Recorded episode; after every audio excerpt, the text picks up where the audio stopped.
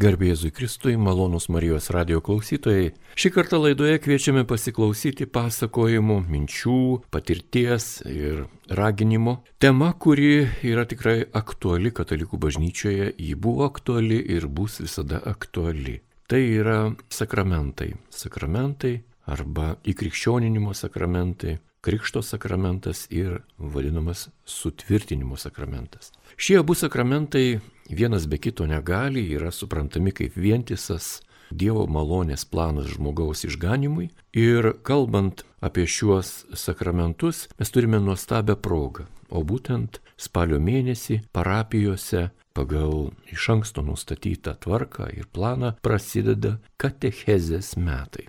Kaip mes tą suprasime, kaip priimsime, kaip tuos metus išgyvensime, priklausys žinoma nuo mūsų. Todėl šiandien su džiaugsmu aš jums pristatau sesę Aistę Balčiūnaitę, kuri yra Vilniaus Šventų Jonų bažnyčios sielovados koordinatorė bei tos pačios bažnyčios savanori įkrikščioninimo darbui Alfonsą Vinslovą. Prie mikrofono taip pat ir aš Liutauras Serapinas bandysiu truputį koreguoti šį pokalbį, užduodamas vieną kitą klausimą gerbėmiems sesiai Aistei ir savanoriui Alfonsui. Taigi sveikinuosi, tai garbė Jėzui Kristui. Per amžius. Labai dėkoju, kad jūs atėjote į Marijos radiją ir tikrai labai svarbia tema pasidalinsite savo patirtimi, išvalgą ir tuo, ką darote. Taigi, nuo spalio mėnesio visi organizuotai pradedame, bet žinoma ir iki spalio mėnesio šis darbas buvo atliekamas kiekvienoje parapijoje. Prasideda katechezės metai, turbūt didžiausias iššūkis tai yra būtent ruošti sutvirtinimo sakramentui. Jūs esate tie, kurie ruošiate sakramentams suaugusius žmonės, taip? Labai svarbus ir kilnus darbas. To, ko nepadarė galbūt tėvai, mamos, mučiutės, seneliai, tėveliai, jūs turite padaryti taip, tam vyresniam žmogui padėti prieiti prie sutvirtinimo sakramento. Ir norisi tada tuomet jūsų paklausti, ar sudėtinga dirbti su suaugusiais, ar sudėtinga juos paruošti sutvirtinimo sakramentui? Aš sakyčiau, gal ne tiek sudėtinga, kiek įdomu yra. Nes žmonės, kurie ateina ruoštis, būdami suaugę sakramentams, ar tai būtų krikštas, ar tai būtų sutvirtinimas, jie labai skirtingi. Vieni ateina dėl to, kad atpažino, kad nori Dievo, ieško Dievo ir ieško atsakymų. Kiti ateina todėl, kad reikia santokos sakramentui.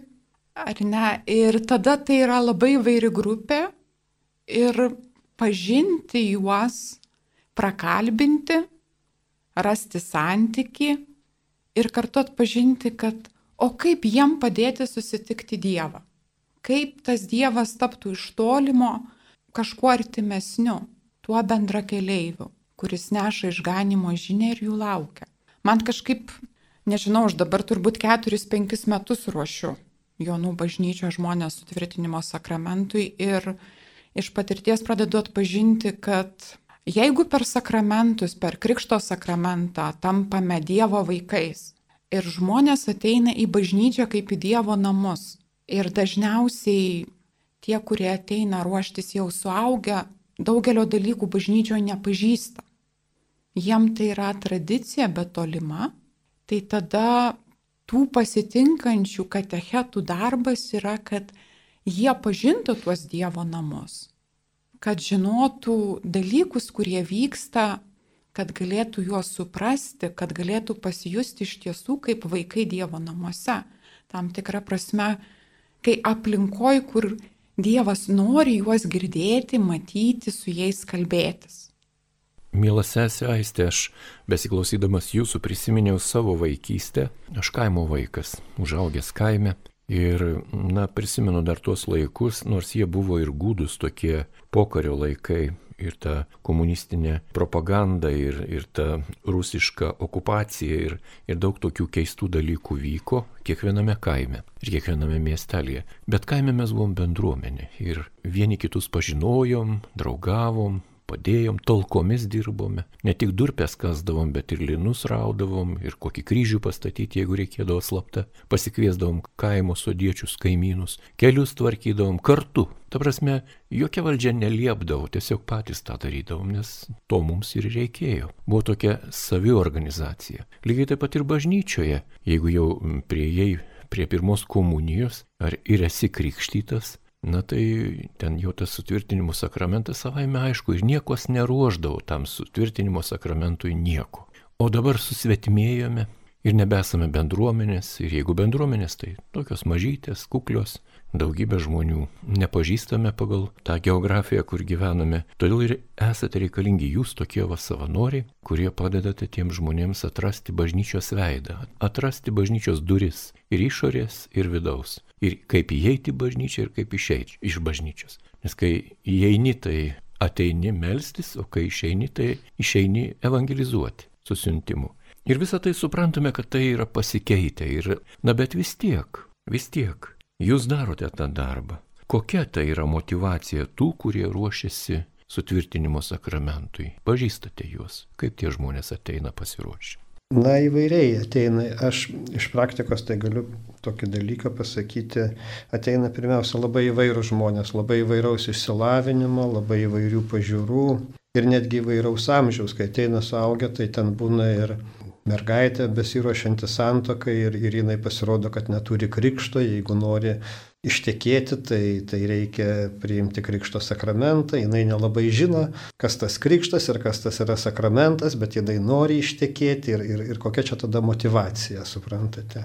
Ateina žmogus, kuriam yra jau 40 metų Ir jis irgi jau 20 metų gyvena santokoje, bet šeimoje gyvena, bet tos santokos nepriėmęs. Vaikai jau, jau tokie paaugliai. Ir, ir vis virukas neapsisprendžia, jis ten, ten tuoksis ar nesituoks. Tai vėlgi panašu, kad truputį žmona čia jį stumia kažkaip taip nejučia. Tai vėlgi kokia čia motivacija, suprantate. Tai gal bijo mirties. Tai nežinau, aš tų dalykų neklausinėjau, bet ir, ir, ir ateina žmogus, sakykime, kuris yra 60 metų ir irgi ruošiasi krikštui ir, ir man toks savotiškai iššūkis už mane vyresnės moteris ir, ir jos ruošiasi krikštui ir aš turiu jom padėti. Tai ten jau kitokia yra galbūt motivacija ir Va, tai tas, tas labai įdomu, bet tik tai tiek, ką, ką galiu pasakyti, kai mes pradedam tą grupę bendrauti, tai aš matau, kaip yra žmonėm, nepriklausomai netgi nuo to, koks jų išsilavinimas, ar ten aukštasis, ar ten intelektas didesnis, ar, ar netoks, jiem apie tikėjimą ir apie Dievą kalbėti yra labai sunku. Ir aš visada galvodavau, kodėl.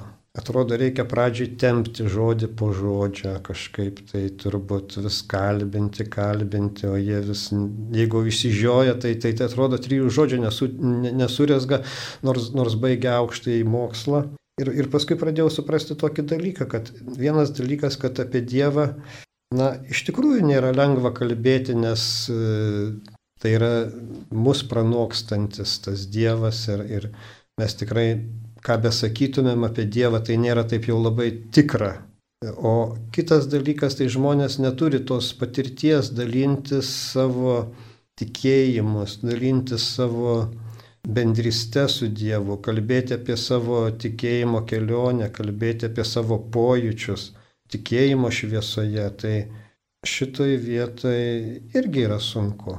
Ir, ir dėl to vat, mūsų toks ir uždavinys yra, kad žmogus prabiltų. Kai, kai žmogus prabyla, kai jis pradeda įvardinti tai, kuo jisai tiki, tada ta kelionė jau pradeda vykti žymiai sklandžiau, tada, tada vienas prakalba, paskui tada iš paskos kitas irgi dras, išdrasėja ir taip pamažu jau, kaip sakant, į, į kursų vidurį jau mes visi puikiai išnekamės ir, ir, ir noriai visi ateinam dalintis ir netgi, kaip kai kurie žmonės sako, nu mes sako, laukiam to susitikimo, nes čia yra tokia patirtis, kurios mes kitur neturime. Bet turbūt yra momentas tas, kaip jūs pačioj pradžioj sakėt, kad augot, kur buvo labai stipri bendruomenė ir tikėjimas buvo natūrali jos dalis.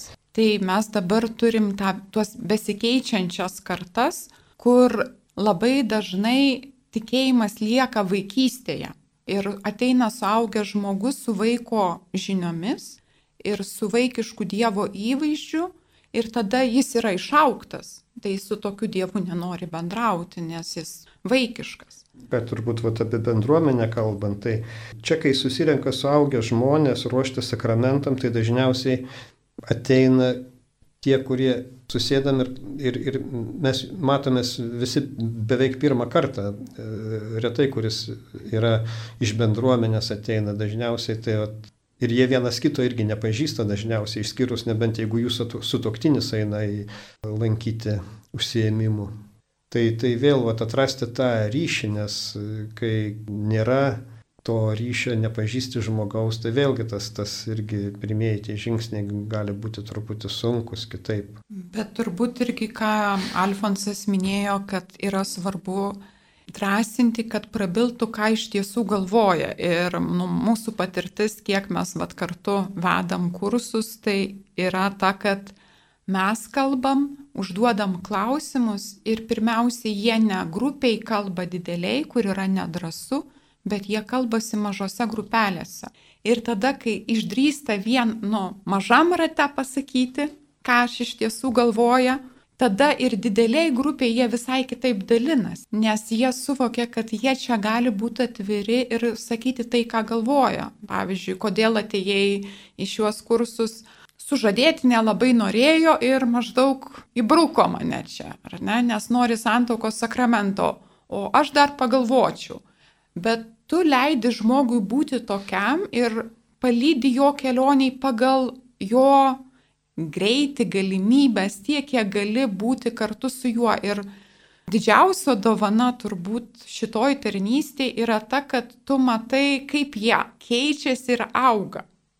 Tas, kad nuo to, kad sunku kalbėti apie tikėjimą, iki to, kad aš galiu jau sieti savo gyvenimą su Dievu ir išdrysti, pavyzdžiui, skaitant švento rašto ištrauką, atpažinti savo gyvenimo situacijas, kad šventas raštas nekalba apie kažkokius tolimus žmonės, bet kad ta žmogiška patirtis gali būti bendra ir auginanti.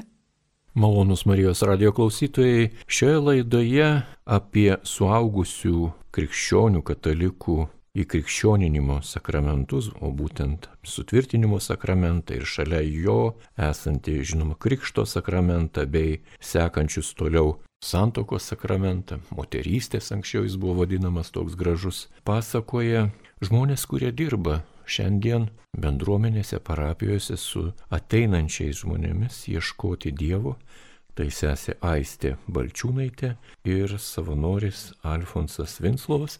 Jos kalbina Liutauras Serapinas ir besiklausydamas jūsų aš tiek daug klausimų sugalvojau spontaniškai, nes jūs esate tie tokie dabartiniai apaštalai, kurie kviečiate žmonės sekti Dievą. Nes žmonės ateina nepažindami Dievo, nežinodami ko, jie ateina iš techninių priežasčių. Bijo mirties, apsidraust nori, arba nori sustvarkyti santokos reikalus, gauti sakramentą santokos, arba nori dar kažką padaryti. Jie yra suaugę žmonės, jau nugyvenę dalį savo gyvenimo. Jūs labai gražiai įvardinote, kad jie turi dažnai tą vaikiško Dievo vaikišką ir supratimą. Ir jie nori, nori gauti daugiau. Ir jūs matote tą reiškinį, nuostabų reiškinį, bažnyčios augimą. Kas jūs labiausiai stebina tuose žmonėse, ką jūs randate juose įdomaus, ką randate gražaus, kas jūs džiugina, kas duoda vilties jums patiems? Malonės veikimas. Tai šitą pirmiausia, bendraudamas su tai žmonėm, dalindamasis, kalbėdamas, atpažįstu tam tikrus dalykus savo tikėjimo kelionės, kažkokius tai etapus. Va, o kitas dalykas tai mane labai džiugina, na tai sakykime, aš vieną pavyzdį tiesiog pasakysiu. Mes čia prieš kelis metus, na mes kiekvienais metais žinoma skaitom šventą raštą, bet tada tai toj grupiai kažkaip buvo tokia užduotis prieš kalėdas perskaityti vieną iš Evangelijų, paskui mes po naujų metų susitikę aptarinėjame, kokie, kas palėtė ten tam tekste, kažką tai dalinomės, komentavom. Va, ir, ir viena jauna moteris, kuri ruošiasi krikštų, jinai pasakė, nu va, sako, dabar man kilo noras visas Evangelijas perskaityti ir, ir, ir, ir man, sakė, tas Dievo žodis tapo įdomus, nes, nes jis kažkaip tai mane prakalbino. Tai, tai čia tokie vieni iš tokių džiugių akimirkų, kai, kai matai, kad ta malonė veikia. Ir kitas dalykas, nu, stebina, kaip Dievas vedasi. Nes kartai žmogus, vienas pavyzdžiui, buvo žmogus, kuris sako, aš noriu priimti pirmą komuniją, bet sakau, prieš pirmą komuniją dar reikia prieiti pirmos išpažinties. Žmogus jau amžiai apie 50 metų sako, o išpažinties aš nenoriu. Sakau, gerai, tai tada kalbėkime, skaitykim, tada, kai jau matysit, kad galit, norit, tada jau eisim toliau. Ir gavosi taip, kad aš susirgau, aš negalėjau su juo susitikti ten du ar tris kartus, tiesiog nusitėsi trys savaitės, po to jau pasveikau, skambinu, sakau, tai kaip ar susitinkam. Ir jis sako, žinai, per tą laiką, kol aš ten skaičiau vieną knygą, aš suvokiau, kad aš jau noriu ir aš nuėjau tos išpažinties. Tai reiškia, kad kartais tu nieko nepadarai, o Dievas nusiveda žmogų.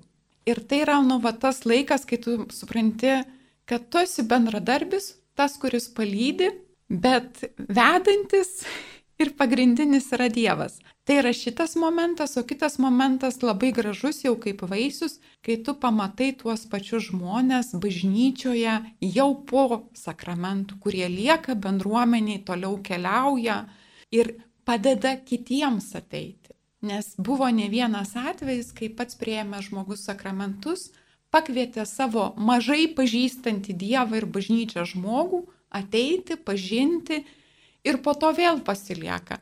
Tai yra tie momentai, kur tu jauti kaip tas klinda. Nes kaip, nu, va dabar naujam tam katechezės vadovė, 20 metų išleistam, sakoma, kad katechetas yra bendruomenės tikėjimo perdavėjas. Ir tada supranti, kad Iš esmės šitam procese, sakramentų ruošimos procese labai svarbi yra bendruomenė. Mes čia pasikviečiam kartas nuo karto į susitikimus svečių už bendruomenę. Ir po to jau gale susitikimų klausiam, kas jums buvo svarbiausia. Ir mums sako, mums buvo svarbu vyrų, kurie buvo atėję liūdėjimas apie jų tikėjimą. Ir tada supranti, kad kai tu kalbi kaip katechetas, kaip nu, tas atsakingas, jie kartais tave girdi kaip tą, kuris, kuriam priklauso taip kalbėti. Bet kai susitinka bendruomenės narius, kurie turi įvairiausias profesijas, augina šeimas ir liudyja apie savo tikėjimo kelionę, jie išgirsta, kad su Dievu keliauja tie tikri realų žmonės. Ne tik tai išrinktieji kunigai, seselės arba dar ypatingi kažkokie tikintieji, bet kad santykis su Dievu yra gyvas ir prieinamas kiekvienam. Ir tas bendruomenės vaidmuo katechezė iš tiesų yra labai svarbus. Nes kalbam apie tai, kad šiais laikais, jeigu, pavyzdžiui, mano vaikystėje, kai aš mokiausi pirmos komunijos, mus ruošia dvi savaitės, čia nepriklausomybės pradžia ir išmokti visą privalomą katekizmo informaciją mintinai, kad jeigu paklausė, atsakytum. Tai dabar kalbama apie tas linkti, kad e, katechezė yra neperduoti informaciją, bet padėti suprasti, sieti, atpažinti ir nešti į gyvenimą. Ir tada kito žmogaus, kuris keliauja tikėjimo kelionę, liudijimas yra labai svarbus. Tai galima labai jausti, kaip keičiasi tie katechezės metodai su skirtingais laikmečiais, ar ne? Mūsų patirtis, kur buvo svarbu žinoti, ir mokėti mintinai ir atsakyti. Ir šiandien, kai bendruomenės tikėjimo gyvenimas daugeliu žmonių jau nėra savaime gaunamas, bet tai yra iš naujo atrandamas, tada yra svarbu, kad pažintų tą tikėjimą, kuris yra gyvas, apie kurį galiu kalbėti, kurio neprivalau slėpti, nes daugelis savo darbe arba aplinkoje, net su draugais, retai kada kalba apie santykį su Dievu, neišdrįsta apie tai kalbėti, tai to, sakysim, tikėjimo erdvės, kur yra pasiruošimas sakramentam, pažinimas bendruomenės, ar tai būtų alfa kursas, ar tai būtų kitas formatas. Yra ta galimybė pamatyti, kad yra daug tikinčių žmonių ir kad aš galiu laisvai kalbėti, kad tikiu ir nebūti pasmerktas arba nurašytas ir kad man mano tikėjimo nereikia slėpti giliausiam stalčiukyje nuo kitų. Įsiterpsiu, kad žmonėm labai svarbu tos gyvos, autentiškos istorijos. Gyvos, būtent tikros istorijos, ne, ne, ne, ne, nesugalvotos, ne, ne, neprigražintos kažkokios. Ir, ir ateina tie žmonės, kurie, kurie patys pasakoja savo tas tikėjimo istorijas. Tada kiekvienas atranda kažką tai iš savo gyvenimo, kažką gali palyginti, sakyti, nu va žiūrėkit, nu, man gal buvo kitaip, mane kažkaip kitaip kalbino. Arba Va šitaip man irgi buvo kažkas tokio. Ir tos būtent tie dalykai padeda jau tam žmogui, kuris klausosi tų istorijų, atrasti, kad Dievas ir jį kalbino. Ir pažinti, kad, kad jis irgi kaž, kažkokį tai etapą jau yra nuvėjęs. Ir, ir aš tai nesakyčiau galbūt, kad na, tie žmonės, kurie ateina ir, ir jie mažai žino apie tikėjimą, kad, kad jie neturi patirties su Dievu, gal jie tiesiog e, dar net pažinę daugelio dalykų, kaip, kur Dievas vedė, kada ir vat, yra labai gražu, kad e, jeigu paimti ir, ir klausytis jų tikėjimo istorijos pačioj pirmoji, kaip sakant, paskaitoj, tai jie ten labai pasako nedaug, pasako, nu, Dievas yra, nu, tikriausiai yra, Reiškia, ir, ir visa, visas, visas tikėjimo supratimas dažniausiai sustoja, kad na, yra Dievas ar nėra Dievo, o tokia, tokia abejonė. Ir, ir, ir paskui jau visų kursų pabaigoje jau jis pasakoja savo tikėjimo istoriją, savo tikėjimo kelionę visai kitaip, jis, jis jau atpažįsta, jis jau prisimena kitus dalykus ir, ir, ir nesustoja tik tai Dievo buvimo, nebuvimo klausimų, bet, bet jau pažįsta, kad, kad va šitoj vietoj tikrai kažkas, kažkas mane prakalbino, tikrai čia kažkokia, kažkokia tai yra na, jėga ar ranka, kuri, kuri mane čia pastumėjo, tai galbūt atpažįsta, kad Dievas veikia per kitus žmonės, kad, kad per kažkokius įvykius konkrečius, kad atpažįsta tada tos ženklus, kad, kad yra kažkur kviečiamas, kad kažką turėtų keisti galbūt ir, ir savo gyvenimą keisti. Jau tada, tada visai kitaip vyksta tas pasakojimas. Ir kartais, pavyzdžiui, labai žinoma informacija, kad, pavyzdžiui, na, ir dešimt Dievo įsakymų, kuriuos žino, bet, nu, jie kartais būna tokie kaip taisyklės teorinės žmonėms. Ir kai tu užduodi klausimą iš kitos pusės, kur tu matai šiandien labiausiai Dievo įsakymų nepaisimą, savo artimųjų ar darbo aplinko, jiem labai lengva įvardinti. Dažniausiai. Bet kai sakau, o kaip tada padaryti, kad kažkas keistusi, kuo gali prisidėti, kad būtų mažiau laužiamas įsakymas, jie pradeda galvoti ir jie atpažįsta tada ir kur jie patys su tuo įsakymu prasilenkia, bet imi iš tos kitos pusės, ne iš ko trūksta, ką darai blogai, bet ką dar, gali padaryti, kad būtų daugiau gėrio.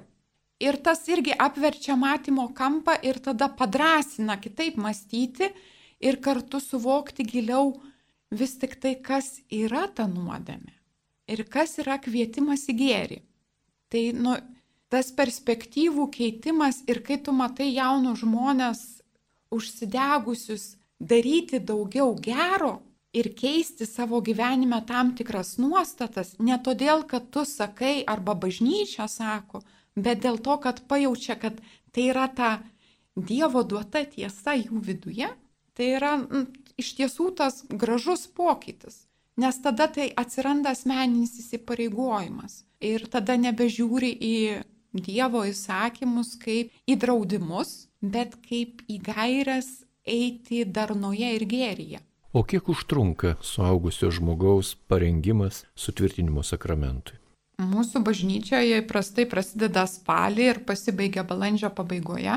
Bet kiekvieno žmogaus kelionė labai skirtinga. Kartais žmogus praeina kursus, tada sako, aš dar sudalyvausiu alfoj.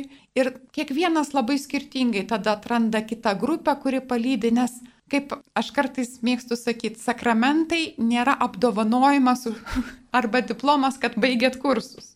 Bet sakramentas yra ženklas, dovana tau, bet kartu ir siuntimas. Sakramentai nėra dovana duodama egoistiškai, bet įgalinanti dalinti su kitais. Tai va šičia ir yra turbūt, kiek ta šventoji dvasia praplečia, pajudina ir kiek jie nori įsileisti jos veikimą. Ir mes kviečiam visada melstis, ypač ten paskutinį mėnesį, melstis, kad iš tiesų būtų atviri šventai dvasiai, kad pagalvotų, kokios šventosios dvasios dovanos norėtų prašyti. Tokio ieškojimo, atvirumo. Bet, pavyzdžiui, aš iš savo patirties galiu pasakyti, aš sutvirtinimo sakramentą priemiau be jokio pasiruošimo, nes dėl to, kad reikėjo sutvarkyti. Šventoji dvasia pramušė turbūt po dviejų metų per išpažinti, pakviesdama ieškoti, kodėl tikiu ir surasti vėl Dievą asmeniškai, būnant paaugliai. Tai ir aš žiūriu lygiai taip pat į tuos pačius žmonės, kurie dabar ruošiasi, vieniem tas vaisius tampa matomas iš karto.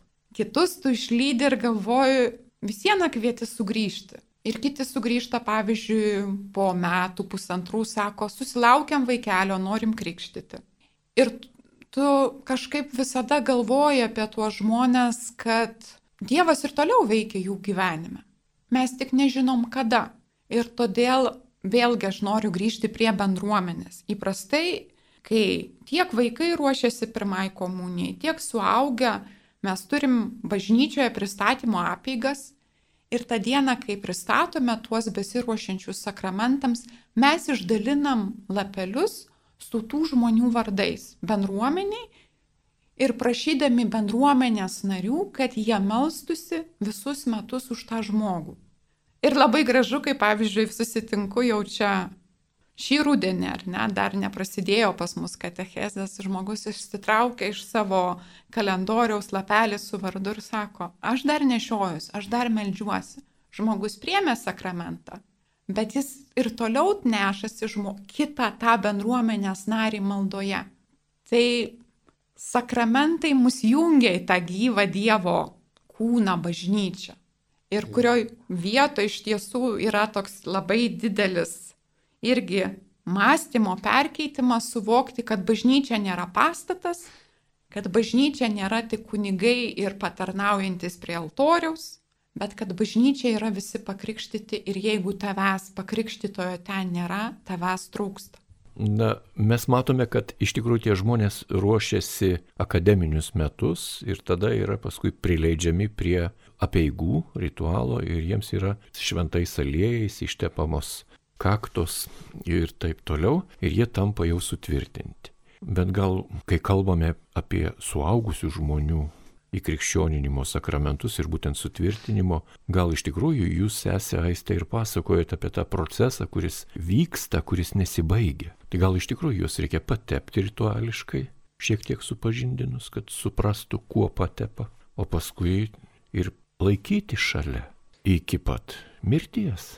Kaip jums atrodo? Nu, tai, tai yra sutvirtinimo sakramentas, sutvirtins, nebijos tos mirties. Vienas dalykas, tai Dievas mūsų kūrė laisvus, tai man tą laisvę dovanoja, tai aš negaliu pririšti kito žmogaus prie savęs ar prie bažnyčios ir laikyti jį, kaip sakant, va, tai. Bet sakramentas iš tikrųjų neprasideda su kursais ir nesibaigia su jų prieimimu. Ir čia, kai mes apie bendruomenę kalbėjom, tai čia bendruomenės vaidmuo yra svarbus e, per visą procesą, bet, bet nemažiau svarbus tas bendruomenės vaidmuo ir, ir prieimus sakramentą. Nes e, jeigu žmogus lieka bendruomenėje, jis čia turi bičiulių, turi kažkokių pažįstamų, su kuriais gali susitikti, su kuriais gali pasišnekėti, gali pasidalinti savo gyvenimu, gali pasidalinti ištikusiom bėdom, pasiguosti, paklausti, patarti galų gale kitam padėti. Tai čia tada mes vienas kitam padedam toj, toj tikėjimo kelioniai, mes vienas kitą auginam Ir nebūtinai čia, čia sakykime, jeigu mes vedam tuos kursus, tai mes tuos žmonės auginam. Čia pirmiausia augina juos Dievas. O, o kitas dalykas, aš noriu pasakyti tokį keliais žodžiais, jeigu dar yra laiko papasakoti, kaip aš atėjau į šitą, į šitą veiklą. Tai Jonų bažnyčiai keitėsi mūsų čia žmonės, kurie, kurie vedė tą katechumenatą. Atėjo pas mus tokia jauna seselė Marija. Nu ir per vieną susirinkimą jinai sako, nu va, reikia, kad kažkas padėtų vesti suaugusiems tą katechumenatą. Nu, niekas čia taip sakant nepuolė, o aš taip, kadangi galvoju, aš jau esu tikintysiu su stažu, jau čia maždaug viską žinau, sakau, tu tai gerai, aš čia galiu taip labai lengvai. Va, ir mes tada pradėjom, paskui paaiškėjo, kad ir ta sesė Marija tokia pat žalia kaip aš žalias. Nu ir mes čia tokie žali pradėjom tuos, tuos, tuos kursus vesti jau tada jaunų bažnyčiai. Iš pradžių maniau, kad aš iš tikrųjų daug ką žinau čia, bet pamačiau paskui, kad mano tos visos žinios, mano ta patirtis nu, daugeliu atžvilgių yra labai paviršutiniška. Ir, ir aš e, tiesiog labai džiaugiuosi, kad, kad aš e, į šitą, į šitą tarnystę įklimpau ir, ir, ir, ir atsiliepiau ir, ir pasisiūliau.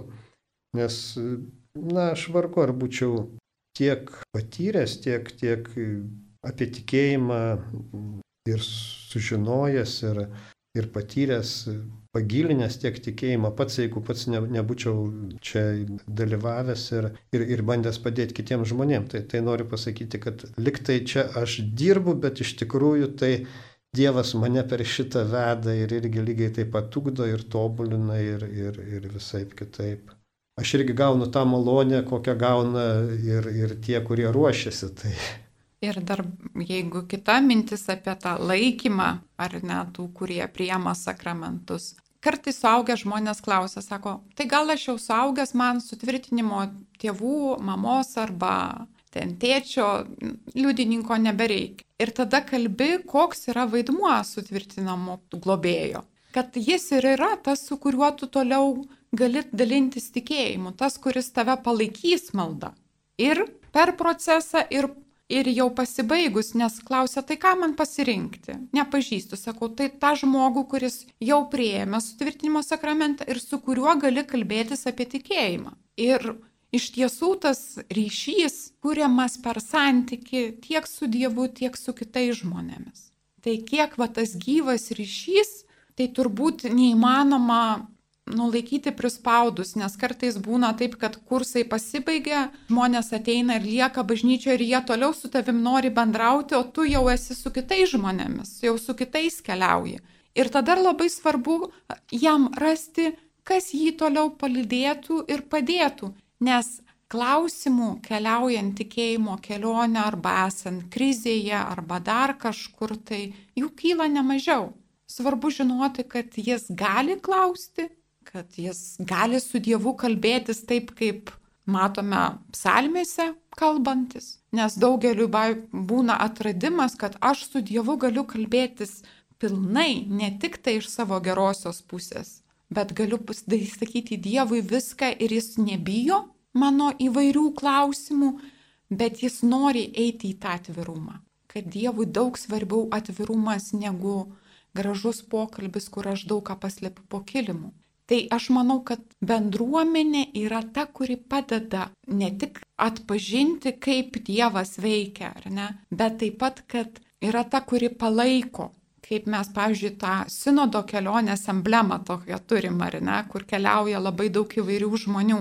Vaizduojant bažnyčią, taip lygiai taip pat yra ir mūsų kasdieniniai bendruomeniai. Vieną kartą vienas yra stipresnis santykėje su Dievu, kitą kartą kitas parklumpa, bet jeigu yra kažkas šalia matoma neparklupusi, taigi nepaliks. Sustos, paklaus, padės atsikelti. Tai čia ir yra toks, na, iš tiesų sakramentai mus jungia vis labiau į tą vieną kūną. Jeigu noriu, sutinku ir pasilieku. Besiklausant, aš tiesiog taip pajutau tokį baltą pavydą, galvoju, kokie laimingi tie žmonės, vyresnio amžiaus žmonės, galbūt net ir mano amžiaus žmonės, kurie ateina į jūsų bendruomenę ruoštis sutvirtinimo sakramentui. Aš buvau mažas vaikas, ketvirtą klasę buvau pabaigęs, tarp ketvirtos ir penktos vasarą. Patogu, žinot, aplinkui ateizmas, visa kita, kaime pas močiutę, gražiai ir taip toliau. Ir ką aš prisimenu? Aš prisimenu tik šventę, prisimenu, kad gavau iš savo krikšto tėvo laikrodį dovanų.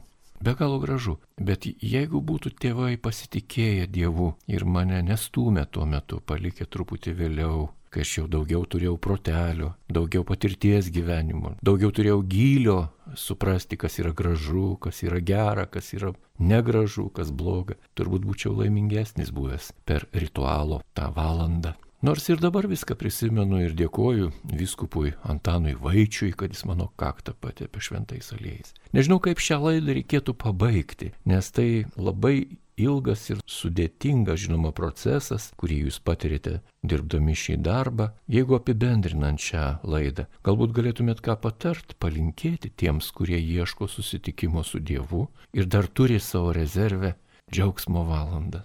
Aš kažkaip galvoju, kad Dievas visada prisitaiko prie mūsų galimybių ir tempų. Ir jis niekada nepaliauja mūsų kviesti. Ir turbūt neuždaryti durų per anksti.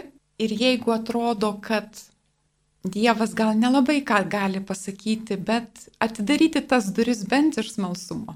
O jūs, Alfonsai? Aš net ir norėčiau pasakyti, kad mano sutvirtinimas tai įvyko gerokai po sutvirtinimo sakramento. Bet dabar yra turbūt nemažai žmonių, kurie, nu kaip ir jau, ir turi tos tikėjimo patirties, bet kažkam tai trūksta va to paskutinio, kaip patepimo, būtent to su sakramento. Tai, tai noriu tiesiog drąsinti žmonės, kad galėtų ateiti į bažnyčią ir, ir jie patirtų tą visą, visą džiaugsmą ir tą šventę ir tą bendrystės džiaugsmą, nes, nes būtent e, čia drauge einant to tikėjimo kelionę yra patiriama ta bendrystės dovana, bendrystės džiaugsmas. Va, o paskui gyvenime tada jau gali ir kitiem kažką tai, kaip sakant, pasidalinti tuo džiaugsmu su kitais. Tai. Į šią kelionę gali leistis ir žmonės, kurie jau yra prieėmę sutvirtinimo sakramentą, galbūt tada niekas jų neruošia, nebuvo galimybių, dar kažko ar ne. Ir dabar supranta, kad noriu suprasti, pažinti daugiau iš naujo, jie irgi yra laukiami.